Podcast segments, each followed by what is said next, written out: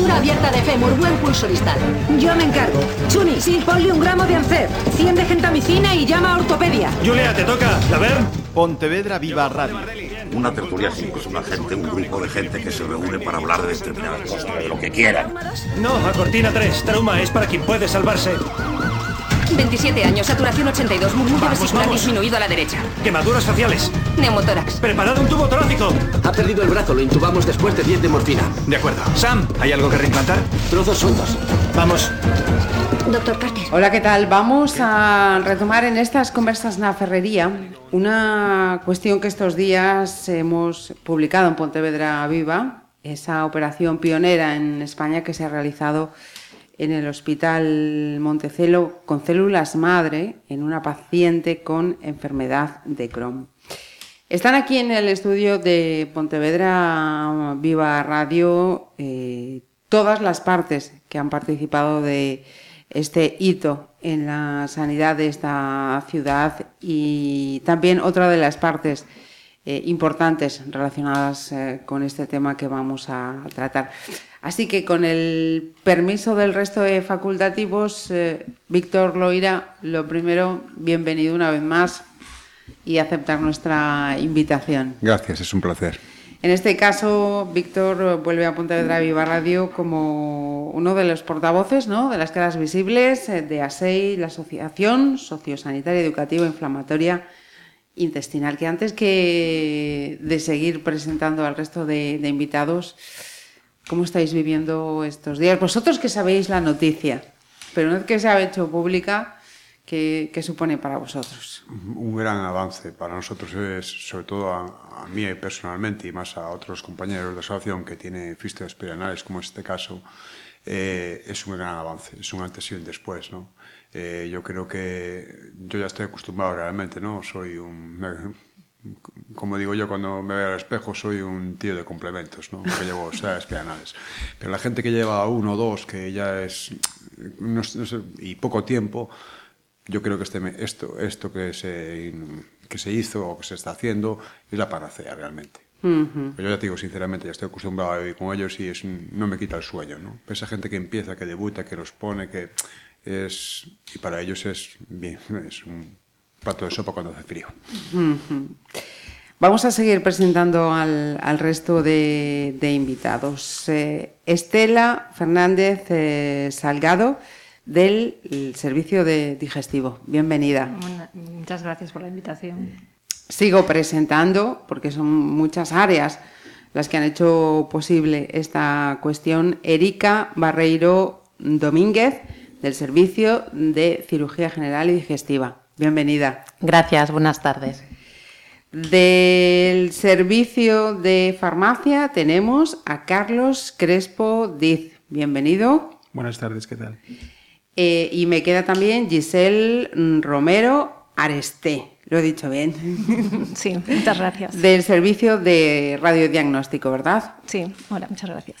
Bien, lo, lo que primero que quería eh, plantearos, mm, supongo que por áreas eh, contestaréis eh, unos con más conocimiento que otro, pero me gustaría que también fuese una charla entre todos, ¿no? Que si alguien dice algo y, oye, pues mm, quiero añadir esto, que no os cortéis, no esperéis a que yo os dé la palabra.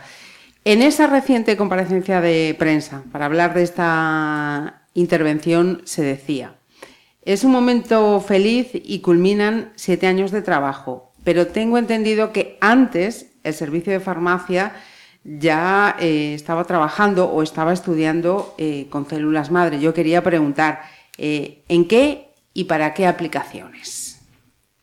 El servicio de farmacia. Creo, ¿eh? Tenía yo anotado. Igual resulta que no está bien el dato. mm, No. En principio, el servicio de farmacia ha participado en todos los ensayos clínicos que se han realizado en el Hospital Montecelo, pero quien participaba era el servicio de, de aparato digestivo, que era eh, Dani Carpio, Daniel Carpio, el investigador principal, eh, y el servicio de cirugía general, donde los investigadores, Erika Barreiro, participaba como investigadora, y Giselle, el servicio de radiodiagnóstico, y sí es cierto que los los ensayos clínicos sí se llevaban a cabo en, en el Hospital Montecelo. Se llevó a cabo tanto el AZMIR 1 como el AZMIR 2, ¿no? Sí, puede ser que a lo mejor a lo que, a lo que se refieran es que eh, hay un cirujano en Madrid, el doctor García Olmo, que fue un poco el impulsor de todo esto, ¿no? Es el que realmente pues, eh, empezó con la idea de las células madre.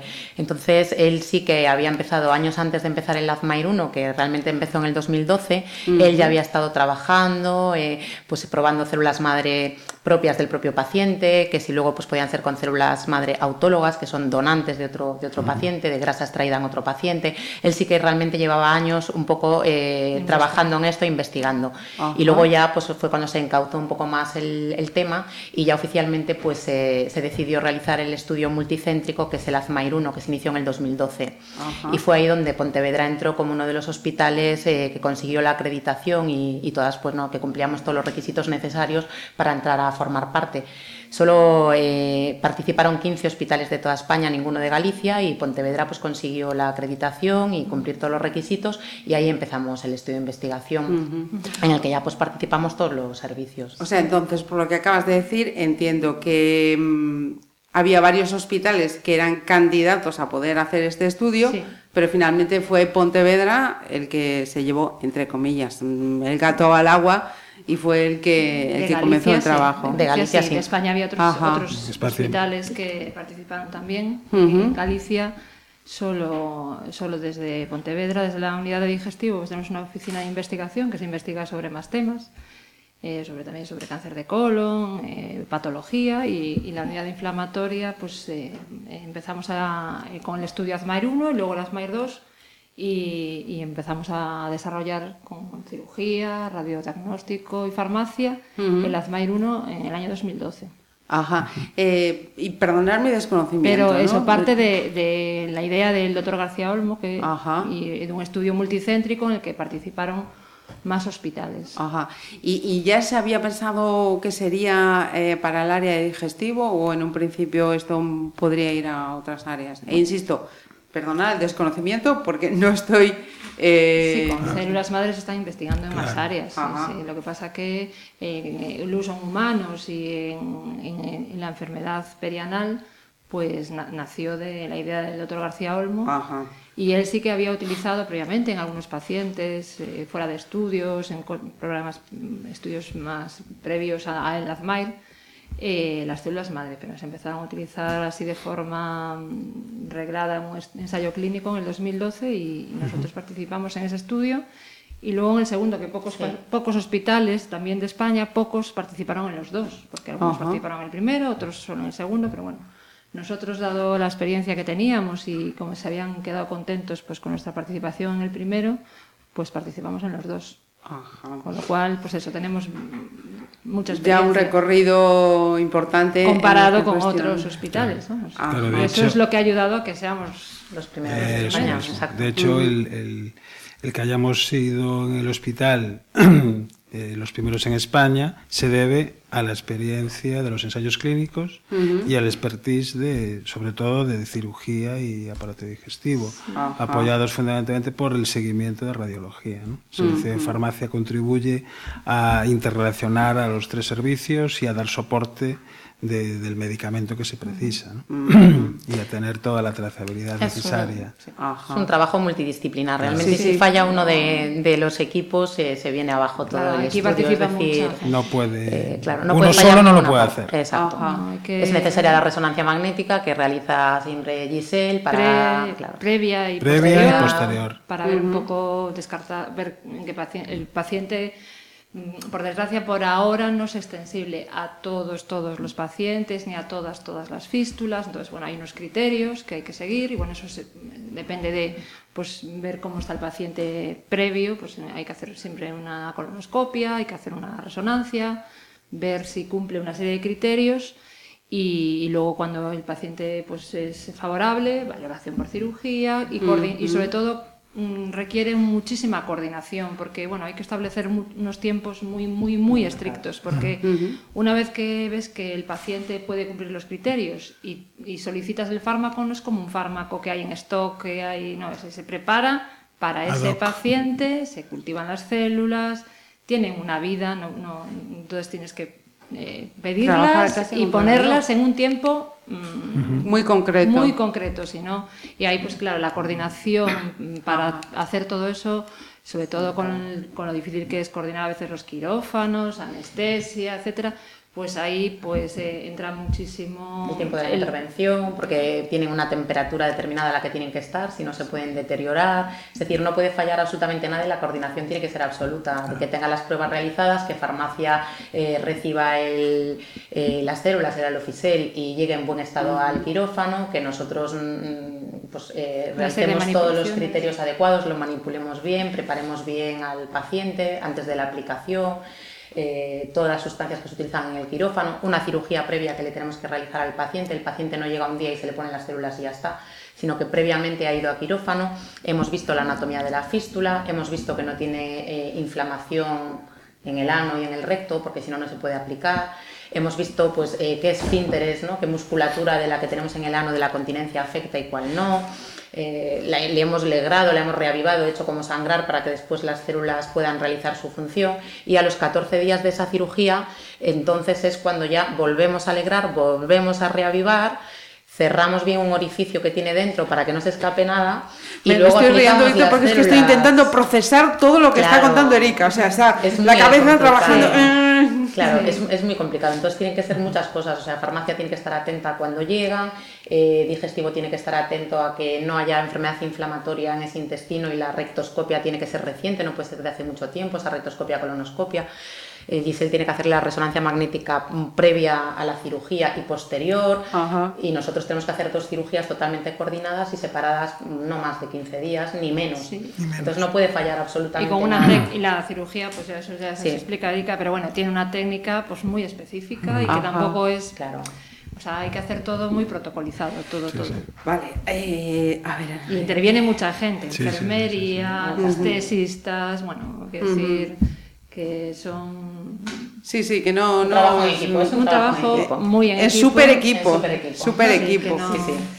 Eh, mm, este proceso eh, he visto o he leído se desarrolla como eh, con perdón eh, una biofarmacéutica japonesa Takeda y em, ¿por qué por qué esta en, en- en concreto Porque fueron ellos los que, que los apoyaron, que apoyaron, a García promocionaron. Sí, para poder poner en marcha bueno, Esto mismo. todos estos ensayos clínicos ponerlos en marcha cuesta muchísimo muchísimo dinero y es- bueno ya ves que es una- un proceso de años de montones de pruebas de laboratorio un seguimiento muy estricto eh, bueno todo eso que, que conlleva un estudio multicéntrico de coordinar todo eso pues cuesta mucho dinero entonces normalmente eso al final quien lo financia porque luego pues también lo explota es una empresa farmacéutica en este caso Ajá. pues Takeda. Takeda, pero realmente luego todo el proceso realmente- se produce en España, que también es lo Claro. llamativo de este Porque, tratamiento. porque Takeda, Takeda, la biofarmacéutica japonesa, compró un laboratorio español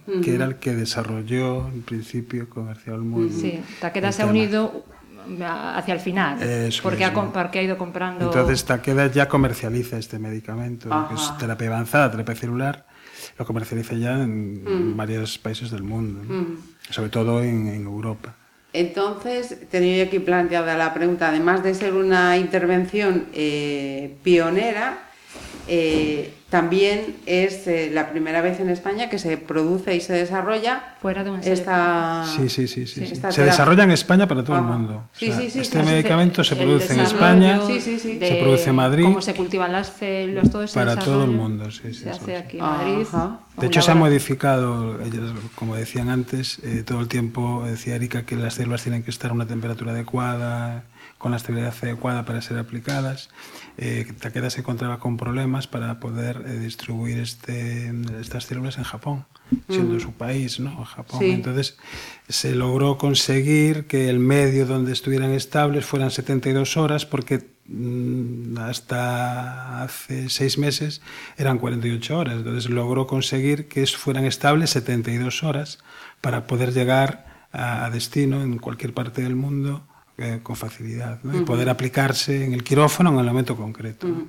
De hecho, esto de que tienes que estar coordinado y tal, eh, o sea, nosotros eh, desde el servicio de farmacia, que somos los garantes del medicamento en, en todo el proceso, eh, tienes que hacer un pedido con la farmacéutica y estar muy en seguimiento con, con, ellos de adelantarte al menos 16, 17 días, porque ellos han preparado el paciente, el paciente está ya totalmente dirigido, seleccionado, preparado para poder uh -huh. aplicarse las células. Y si las células no llegan en el momento adecuado, a la temperatura adecuada y concreta, no se van a poder aplicar. Uh -huh. Y por tanto, eh, por eso estamos todos. Y luego habría otro hándicap, imagino, que también son todos esos eh, protocolos y normativas que hay que cumplir ¿no? a la hora de trabajar con, con células Con madre. células Sí. madre. Por, lo que le- por lo que digo que eso también Sí. complica, ¿no? Es un, es un fármaco diferente. ¿no? Mm, Al final son claro. células, es otro tipo de terapia con unos seguimientos más estrictos.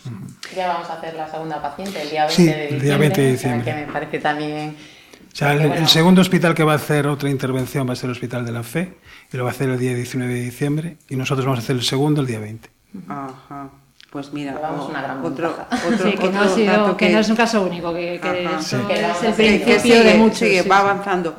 Eh, nos comentaba eh, antes, eh, Erika, eso, cómo ha sido también todo ese proceso eh, previo y mm, también otra complejidad, ¿no? Eh, ir eh, viendo cuántas personas eh, eran, eh, digamos, eh, no sé si la palabra correcta es proactiva, favorable, desfavorable a, este tipo de terapia. Claro, eso fundamentalmente lo hace el servicio de digestivo, que es el que lo suele recibir en la consulta, y ellos van haciendo un cribado de qué pacientes pues, cumplen los, los requisitos. Eh, cuando eh, tenemos pues, varios digamos, candidatos que cumplen esos requisitos, pues los envían también al servicio de cirugía eh, y al servicio de radiología para, completar, para completar el estudio.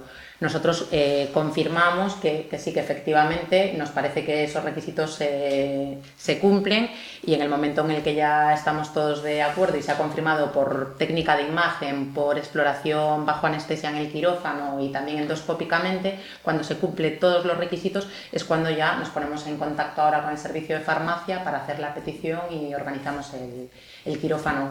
Pero sí que, claro, no, no todo el mundo cumple estos requisitos, eso es muy importante. Lo digo porque ahora, como esto ha salido un poco en la prensa, pues a mí, por O- ejemplo, ahora mucho. hay un montón de pacientes que están llamando incluso al Sí, hospital. incluso- para- y claro, es que no, no todos son Y- candidatos. o, o ojalá gente que piensa que ¿no? es para la enfermedad de Crohn en general, No, es no, para no, no, no. una manifestación, Dolencia concreta. un tipo de enfermedad de, de Crohn con fe- con fístulas que Perianales. no todos los pacientes con Crohn. Perianales complejas, complejas, y tienen unos criterios muy concretos. Claro, no todos los Ajá. pacientes con Crohn tienen fístulas y es, Ujú. para, es para esa indicación en concreto. Entonces no es para Y- el tratamiento general de la enfermedad de Crohn. Y tiene que ser confirmada por, Por resonancia. por resonancia magnética nuclear, que, que- que realmente es la, es la sí, clave. la, ¿no? sí, la Sí, la- fístula la- tiene que tener una serie de criterios, Eso que es lo que para eso hacemos la resonancia de, de la, de la- según la anatomía que tenga, es- se- pueden ser simples o complejas y en este caso es para un tipo de fístula en concreto. Sí, la técnica de imagen que confirma que esa fístula es compleja es la resonancia. Ajá. Entonces, todos los pacientes tienen que hacerse la resonancia para confirmar que son candidatos a este tratamiento y excluir que tenga complicaciones como accesos, que no se puede hacer el tratamiento. Por tanto, eh, la resonancia es la que confirma que esta fístula es compleja y es susceptible de este tratamiento. O- otra duda, así como común de los mo- mortales. Eh, durante siete años, eh, todo este equipo multidisciplinar eh, trabajando, eh, ¿a vosotros os dicen esto hay que llevarlo mm, completamente en secreto y que no se sepa nada hasta una vez hecha la operación? Bueno, hay cosas, hay Mm, partes del o- o había que ya se de había hecho, trascendido el de- ensayo, este es un tipo de ensayo que el, eh, hay una parte de los médicos que somos ciegos a, a saber qué tratamiento se ha puesto, porque era un ensayo con Doble ciego. doble ciego que a unos placebo. pacientes se le pone Ah, placebo. ah. Entonces, eh, por ejemplo, el servicio de digestivo no sabíamos realmente que somos los que valoramos luego la respuesta, no sabíamos si se le ha puesto tratamiento o no, lo sabían los cirujanos porque ellos lo ponen y están allí, Claro. pero no nos pueden decir nada, eso No. está todo bajo Claro, secreto. hecho, Y hasta que acaba el estudio, mucho tiempo después, ya cuando se analizan los datos, etcétera, es cuando nosotros nos informan. Cuando se cierra el ensayo, Es cuando se todo, informa a- al investigador principal, realmente, A los que hacemos la a parte... los que realmente seleccionan al las paciente. visitas, el. Hace tiempo yo buscando personal para hacer un programa sobre los placebos, si era verdad, si no era verdad, y mira tú dónde me viene a Es verdad, salir. es verdad. Bueno, Nosotros lo que pasa que, claro, el cirujano que es el que lo aplica, pues nosotros veíamos claramente cuando Claro. nos llegaba suero, porque es suero limpio, o cuando nos llegaban realmente las células madre, por el color. Y ellos por el color. Por todo, por todo lo notábamos perfectamente. Eh, Pero tampoco no- tenían que saberlo, ¿eh? Ajá. Ellos lo sabían. No, pero nosotros no, no éramos ciegos. Es decir, No, el, lo importante es que el que va a valorar si se ha cerrado la ciego. fístula o no, no se vea influenciado porque sepa Porque- que es el alofisel. Claro, claro. Mm, Porque si no, pues bueno, puede haber lo que se, lo que se llama sesgo estadísticamente. Es Claro. decir, si tú sabes que has aplicado el alofisel, a lo mejor quieres ver un cierre que no es. Si sabes que es placebo, a lo mejor lo que te parece un cierre, pues mm, dejas de verlo. Entonces, los únicos que lo sabíamos éramos los cirujanos. Yo nunca podía poner en la hoja operatoria si había aplicado células o no. Tenía que poner en el, porque la hoja quirúrgica pues también está, bueno, eh, tiene acceso, ¿no? O al- cualquier Sí, médico, todo. ¿no? Que, Mm. que trabaja en el Sergas. Entonces siempre ponía eh, intervención quirúrgica para preparación de eh, Ensayo. ensayo, exacto, sin decir lo que era, aunque luego lo supiesen. Claro. A veces había alguna, pues, Ah. alguna compañera o alguien que igual decía, jolín, ojalá tal le toque a este porque qué mal está, pero claro, no podía Eso es decir en todos nada. los ensayos clínicos. En todos los Todos los ensayos clínicos que se hacen- se hacen doble ciego frente a placebo. Ajá. Es así. Tiene que ser ciego. Sí, son muy rigurosos y bueno, hay que tener mucho cuidado de todo detalle porque bueno, son unas visitas que nos vienen haciendo para revisar todo lo que estamos haciendo continuas e incluso a veces pues puede haber alguna auditoría en algún momento dado y bueno, Y se es- rechazan algunas prácticas y se, Sí, te pueden, se te pueden sacar del estudio si Eso, no haces eso. todo pues, estrictamente bajo los criterios Son unos del protocolo muy- y la Muy verdad exhaustivos, sí, da sí, sí. mucho trabajo poner en marcha algo de esto, mucho, mucho. Incluso ahora que ya no, ya no estamos, digamos, o sea, la primera paciente que hemos hecho ha sido fuera de un ensayo, lógicamente, Yes. es decir, ha sido eh, la aplicación por primera vez de un, de un fármaco que está aprobado, ¿no? Pues incluso ese día en el quirófano, por ser la primera vez en España, hubo pues eh, gente del laboratorio y auditores que estuvieron en el quirófano viendo que se hiciese todo de forma correcta, porque si no, no todos los hospitales van a estar autorizados tampoco para implantar las células. Aquí en Galicia, de momento, empezamos nosotros en Pontevedra y se va a aplicar en Santiago y en Ferrol, pero en el resto de los hospitales, Pero- en Vigo, en los demás, de momento no. Por ahora solamente Pontevedra. Exacto. Se, se Entonces, me adelantaba. Erika porque yo estaba pensando cuando preparaba así esta charla, mm, mm, ¿cómo se sentirían eh, el día que, que- que- que llegó esa operación y, y qué es lo que pasaba de especial en ese quirófano? Bueno, yo me sentía un poco más observada. Eh, también es verdad que en el quirófano vivimos eh, situaciones de muchísimo mayor estrés que, que esa, ¿no? Quirófanos que son realmente pues, muy complicados, muy duros, cirugías de urgencia. Entonces, bueno, era más un poco la, mm, la, sí, la expectación o la ilusión de decir, bueno, pues después de casi ocho años, al fin todos los pacientes van a poder acceder a este tratamiento, ¿no? O sea, piensas, eh, la alegría que tenía la paciente era quizás lo más llamativo. Estaba ella más nerviosa que nosotros. Sí, sí, sí. Yo estuve en el quirófano con, con Sí, ellos. sí, estaba más nerviosa ella que nosotros. contribuir, ¿sabes?, con Sí. el estudio a que esto sí, sí. pues haya llegado a aprobarse, porque al final pues, Y a que fuese Pontevedra, porque hay un poco a veces, ¿no? No sé si os pasa a lo mejor a vosotros dentro del periodismo, pero hay a veces un poco, pues ciertos hospitales de España como de renombre, ¿no? Sí. Y de repente que digan, ah, es que los primeros son en Pontevedra, pues ha incluso como chocado un poco, Sí, en plan, sí, sí. ¿cómo? ¿Pontevedra? Sí, sí, sí, Oye, pues sí, sí, pues sí. en Pontevedra se hacen muchas cosas que a lo mejor a veces no sabemos vender o como otros hospitales, Centros, pero sí. realmente eh, aquí se hacen cosas muy, muy importantes. Sí, sí, o sea, sí. la población de Pontevedra tiene que estar muy contenta. Sí, ¿no? sí. Todo lo que Nos se han hace llamado de todas ¿eh? partes de España, ¿eh? Sí, ya ha habido llamadas de todas partes sí, de España sí, para sí, ver sí, si se sí. podía... mm, Compañeros nuestros, sobre todo Ajá. profesionales, ¿no?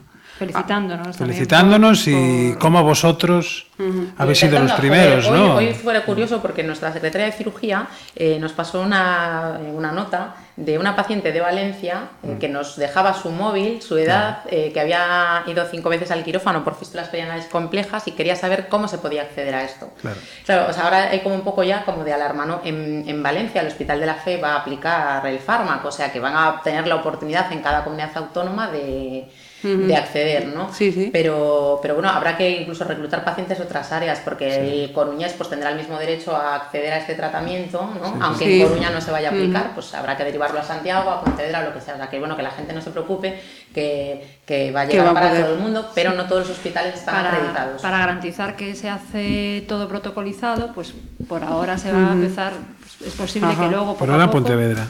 Se extienda a otros, pero Para todo por Sergas, ahora, Pontevedra. Como Pontevedra ha demostrado con su experiencia que hace la técnica adecuadamente, de hecho nos han- hemos pasado como una especie de Una formación, auditoría, una formación. para confirmar todos los miembros del servicio Una acreditación. digestivo, todos los Todos los servicios hemos pasado por una acreditación Sí.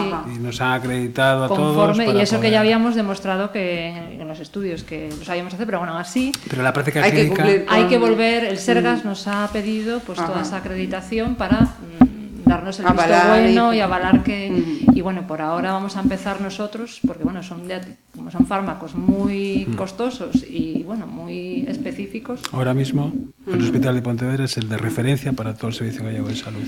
Eh, los facultativos del hospital están recibiendo llamadas y vosotros, Víctor, también os están llamando diciendo, oye, ¿qué pasa? Muchas, muchas. La gente está desesperada, ¿no? Escucha, y yo también lo veo normal, ¿no? Y, a mí me dicen muchas veces, pero tú no te preocupes que tú tienes fístulas. Yo ya llegará a su día, no hay problema. Los míos son muy complejas y yo estoy asimilado así. Pero la gente sí está muy agobiada, muy agobiada. No agobiada, quiere, como quieren ser los, los primeros en todo. Yo, habrá para todos. Eh, Ahora lo que decía Estela, entra una gente que tiene unas, pues, unas cualidades o un- unos problemas de ese tipo que entran en el estudio, pero pues abrirá supongo que para todo el mundo. Eh, y se lo explicamos a la gente, pero la gente, bueno, y, y tengo que ir a Montecelo, que no vayas a Montecelo, que aún empezaron el otro día, deja poco a poco, dale tiempo al tiempo, ¿no? Y ahora lo que hablábamos de, del estudio, que es un medicamento muy caro, eh, me pasó una cosa curiosa, que otro día fui a una cera y me dicen, es que están gastado todo el dinero en el Crohn. Fíjate, la gente hasta donde llega. Yo dije, no, mira, perdona, No. es que no, es que de- es la- yo otro día en la rueda de prensa quedé encantado, y aparte porque se fue de todo esto, lo que pasó el viernes, que fue espectacular y para la gente. Pero dijo allí, señor Jorge Abual, creo que fue, dijo que ese primer medicamento que se paga el 40% Ujú. cuando se aplica Sí, al sí. paciente. Y el 60% restante sí resulta que, es beneficioso, que es- pa- que es efectivo. O sea que la farmacéutica no más interesada en que se que funcione, funcione. Por porque eso- si no pierde 60% Por de la eso, pasta. por eso son tan rigurosos. Tan, tan porque riguroso, yo lo entiendo, pero hoy no es que decir que vamos a reinar, no, no, no, no, realmente, pero sí, a cada asociación la gente llama desesperada. ¿eh? Como digo yo, no llamáis para la campaña de gripe.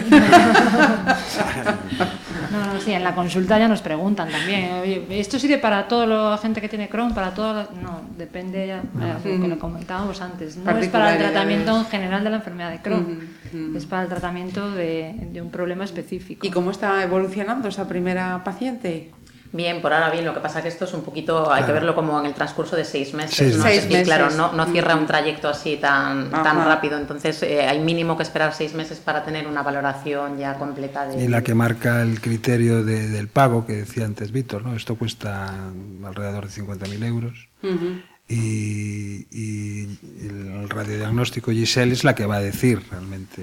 Su, su pericia ante la imagen es la que va a ser la, eh, la clave para decir esto se paga o no se paga. ¿no? Ajá. Porque el seguimiento, el seguimiento es a la- través de resonancia magnética. sí, sí. Tenemos que ver si cierra o no, que en la resonancia Eso también mismo. vemos si, si Ajá. cerró o no cerró. Sí, pero eso necesita un tiempo también. Necesita- la resonancia, si la haces muy precoz, pues Seis claro. meses y, y además un, un- un tamaño muy concreto, ¿no? que es menos de dos milímetros y ella es la que tiene que... De todas formas, bueno, en los ensayos y salió publicado en el Lancet y en revistas de impacto internacional, el cierre que se obtiene con alofisel ronda un 55%, es decir, que tampoco nos podemos esperar Claro. que el 100% No, el vayan a 100%, cerrar, o sea, haciéndolo todo bien, eh, seleccionando bien al paciente, haciendo una correcta aplicación sin que las células se estropeen, no vamos a obtener un 100% de cierre, Ujú. pero es superior a cualquier medicamento que ahora mismo está Sí, en el hasta mercado. ahora, eh, con la medicación que cerrarlas. había, eh, respondían algunos pacientes, pero men- un porcentaje menor, y muchas veces no conseguíamos que se cerrase de todo el orificio, sino simplemente pues drenaba menos, dolía menos, inflamaba menos,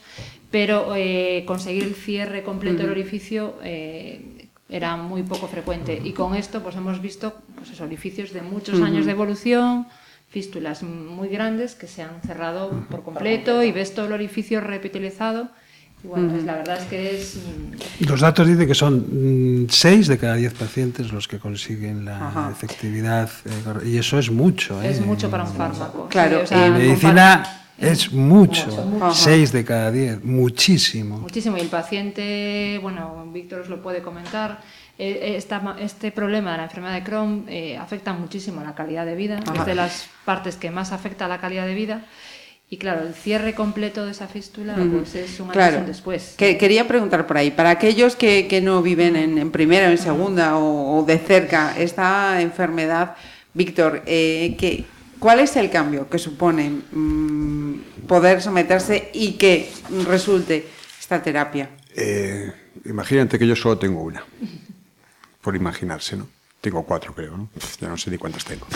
Eh, claro, tú, eh, yo ahora no- mm, realmente no es incomodidad para mí tener los lazos perianales. Yo monto en bicicleta, por suerte no, no dejo que el pus se acumule ahí, porque oye, soy un tío cabezota y le damos seguido.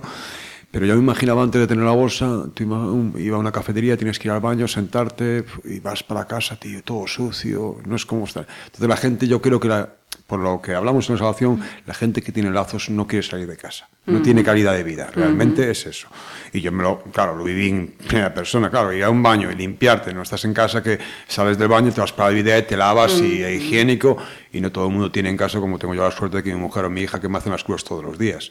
Eso es muy, muy complejo, porque si no está bien limpio, más infecciones hay. Entonces, Sí. para una persona que tiene una o dos, que le saques eso de repente, es la panacea realmente.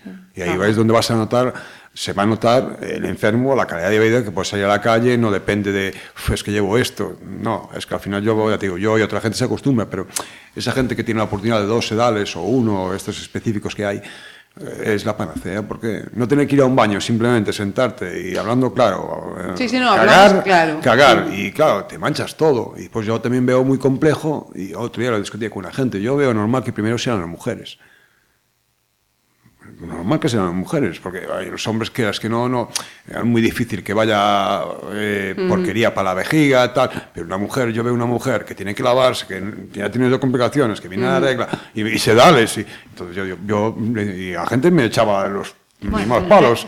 No, digo, yo, no, mira, vamos a ver, yo realmente en este sentido yo lo veo más normal que, oye, las mujeres, porque no sé si pasa eso, pero tengo conocidos que tienen fistos vaginales, no sé si es lo mismo también. Recto vaginal.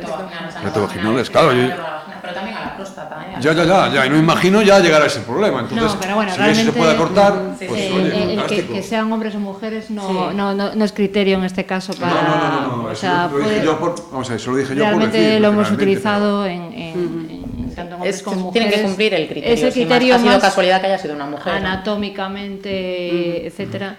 Y, y sí que es cierto que lo que decía Víctor, afecta muchísimo la calidad de vida. El paciente tiene mm, vergüenzas allá a la calle porque a veces huele, porque a veces se mancha, tiene que llevar una bañador, muda. se- se le ve- Pues Muchos son gente joven, porque la enfermedad de Crohn, pues la mayor de- mayoría de los pacientes son gente joven, joven. que tiene, Ujú. pues quiere ir a la piscina, quiere Claro, y eso te afecta muchísimo y a veces hay pacientes que no quieren, que llegan a no querer salir de casa, Sí, como dice a caer en una depresión, a bueno, a tener una serie de le afecta muchísimo al resto de sí que hay otros pacientes, pues como Víctor, que, consiguen hacer de todo igualmente.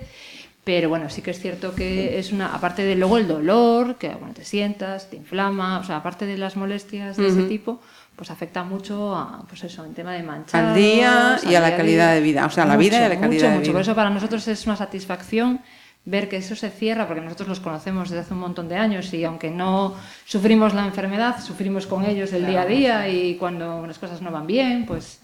Y para nosotros es, mm, ¿sabes? Se asusta Poder mucho. ayudar con esto y poder conseguir que ese orificio cierre, pues los pacientes que lo conseguimos es una satisfacción muy grande. Como que mm, no quieren vivir con el sedal, pero tampoco sin él, porque en el momento en el que se les rompe, que en algunas veces de, pues, de llevar años con ellos, pues se rompen y hay que hacer un recambio de sedal, eh, no pasa nada, no es una cirugía urgente, se puede programar, pero acaban llamando, viniendo asustados por urgencias para que se lo pongas ya, porque claro, no pueden estar un día sin el sedal, del pánico que tienen a que se les cierre, digamos, ese trayecto falso, que está como la puerta abierta, ¿no? A que salga el pus, si se les queda el pus dentro, tienen fiebre, lo pasan muy mal, Tienen entonces tienen dolor. auténtico pánico. O sea, nosotros porque somos ya digo, un equipo muy bien avenido y tenemos hasta un WhatsApp de enfermedad inflamatoria entre los Para profesionales. sí, ¿dónde- y hoy avisamos, paciente. oye, Yo estoy de eh, guardia, estás de guardia, es que a Pepito se le cayó el sedal, pues venga, dile que venga por aquí, que yo se lo cambio en la guardia, etcétera. O sea, es un poco así.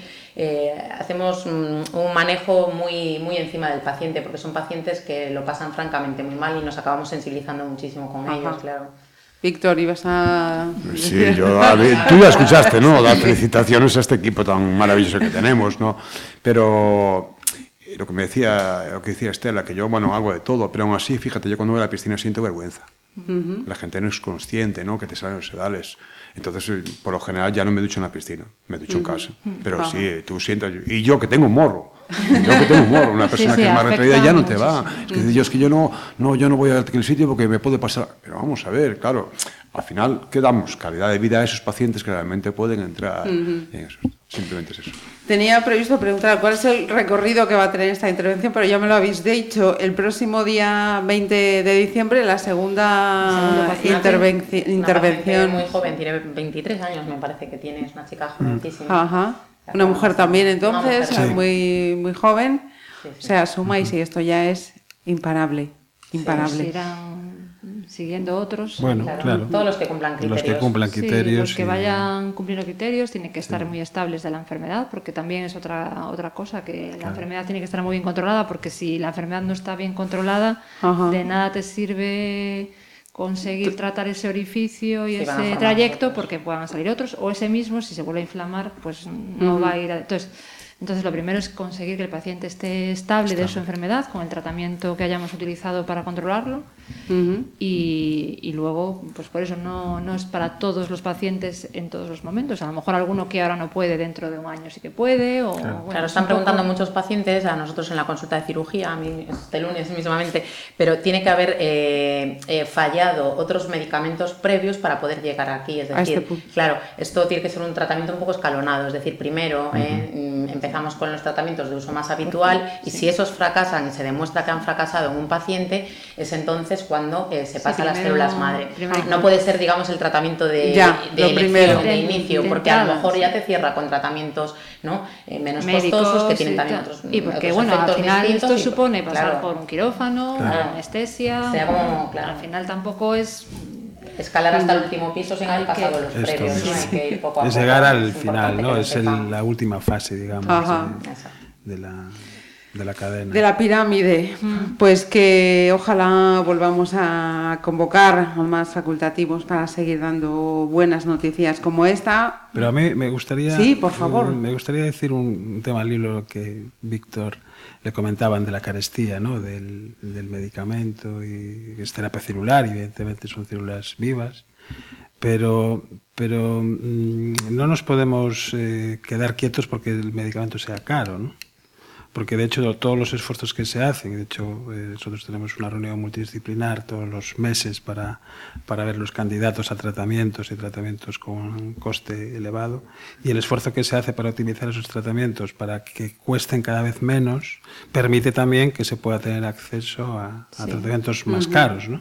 Entonces, eh, sobre todo la- es el, coste no puede ser impedimento para que tengas acceso A- a esta- esa- De ese tipo de esto está muy estudiado y si tú también intentas, o sea, eh, eh, cierras una fístula, es un paciente que a lo mejor eh, evitas esos costes que genera que venga por urgencias con acceso, que le hay que dar un antibiótico, Claro. el que pasan a lo mejor cuatro o cinco veces por quirófano, que le cambias un sedal, el quirófano cuesta, los días de ingreso, los antibióticos. Estamos centrados en el medicamento Exacto. y todo lo que supone el Los- tratar a un paciente de este tipo con todas sus Eso complicaciones. decimos, lo sabe, los es una tratamientos- mejoría de la calidad de vida, el que pueda trabajar, el que pueda, bueno, al final, a veces, pues al final... eh, Bueno, que a lo mejor no son muy, conscien- muy conscientes tampoco de lo que cuesta eh, tratamientos como el infliximab, el adalimumab, que es un fármacos muy coste caros. tremendo, ¿eh? o sea... todo, pero bueno, eh, sobre todo es...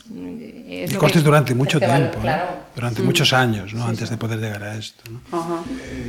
Sinceramente, con el medicamento, yo desde 2001 que llevo tomado, ya tengo más que pagado tres células madre. ¿eh? Yo creo que llevo tres o cuatro ya, por lo Sí, menos. sí, esto- Sí, la gente no se queda con eso. Y es que eso vale mucho dinero, ¿no? Realmente es que todo medicamento es caro. ¿Qué pasa? Que a veces, eh, lo que hablaba Erika antes, eh, se empieza por el pequeño, poco a poco vas, normal, porque si todo el mundo empieza por el grande, la pirámide está arriba, no, tienes que empezar, primero hay unas fases a las que pasar.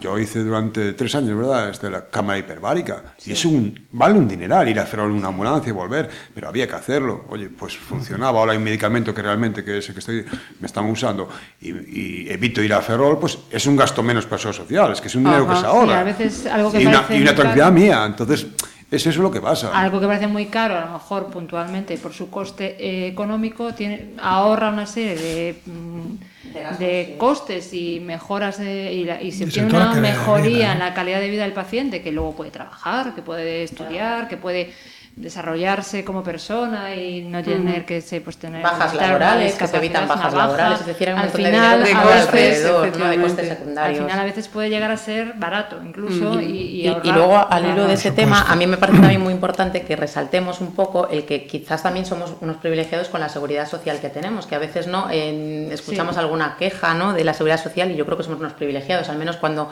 viajas ¿no? por otros países o nosotros que, que vamos a congresos y demás.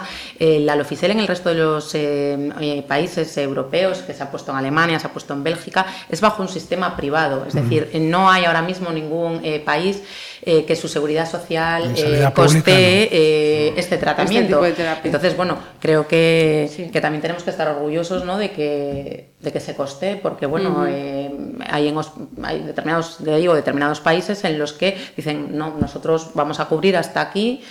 Todo esto demás, pues es muy importante que y todos entonces yo creo que es importante, ¿no? Que también, o sea, que valoremos un poco también el esfuerzo de, ¿no? de, de nuestra, De sanidad de nuestra sanidad, exacto, y defenderla. ¿no? Y que debemos hacer todos un uso pues, responsable Adecuado. de, de todo lo que. Porque al final es algo que nos cuesta a todos, es decir, lo pagamos Sí, sí. todos y lo ideal es que el dinero se utilice pues lo mejor posible, obteniendo los mejores beneficios a todos los niveles. Me refiero que es algo que tenemos que valorar y que a veces.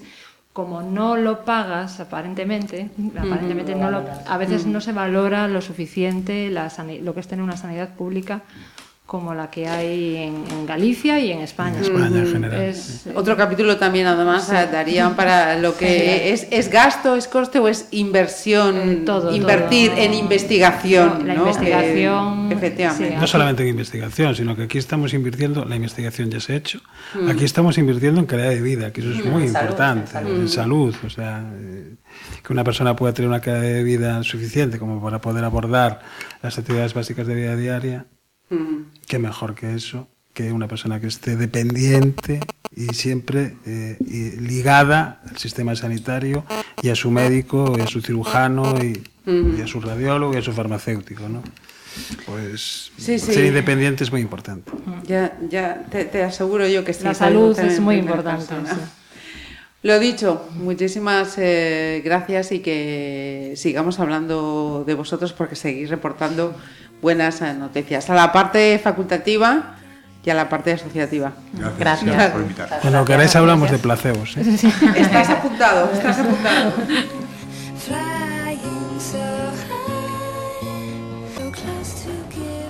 Como médicos, como amigos, como seres humanos, intentamos hacerlo lo mejor que podemos.